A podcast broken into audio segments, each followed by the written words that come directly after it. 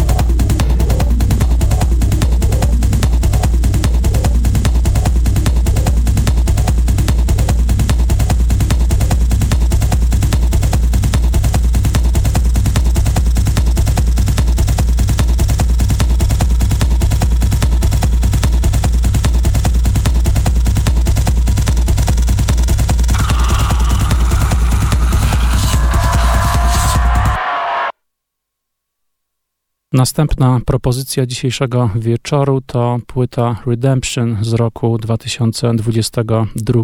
Odpowiedzialnymi za nią są Bill Laswell i Milford Graves. Jeśli chodzi o Milforda Gravesa, to niestety nieżyjący już, urodzony w Nowym Jorku amerykański perkusista jazzowy, emerytowany profesor muzyki, badacz, wynalazca, artysta wizualny, rzeźbiarz, zielarz i artysta sztuk walki. Był godny uwagi ze względu na swój wczesny wkład w awangardę lat 60., gdy grywał z Polem Blayem, Albertem Eilerem czy New York Art Quartet. Jest uważany także za jednego z pionierów free jazzu. Proponuję wysłuchać najdłuższej kompozycji, nagranej zresztą na żywo w trakcie tak zwanego Bill Laswell The Stone Residency, które miały miejsce w czerwcu 2015 roku w klubie The Stone w Nowym Jorku. Utwór otwierający ten album zatytułowany po prostu Redemption Part 1.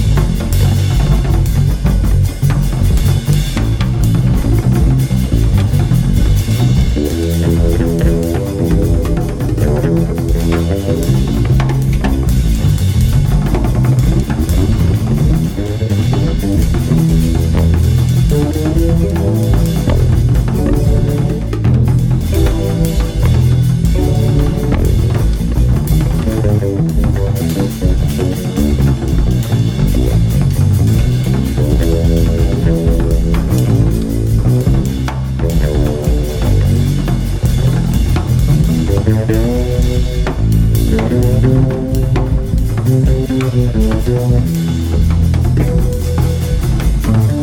you.